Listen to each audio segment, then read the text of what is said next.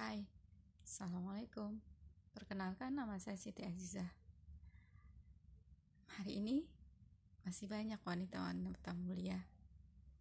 Mereka rela meninggalkan apa yang mereka cinta Demi kebahagiaan orang-orang yang mereka sayang.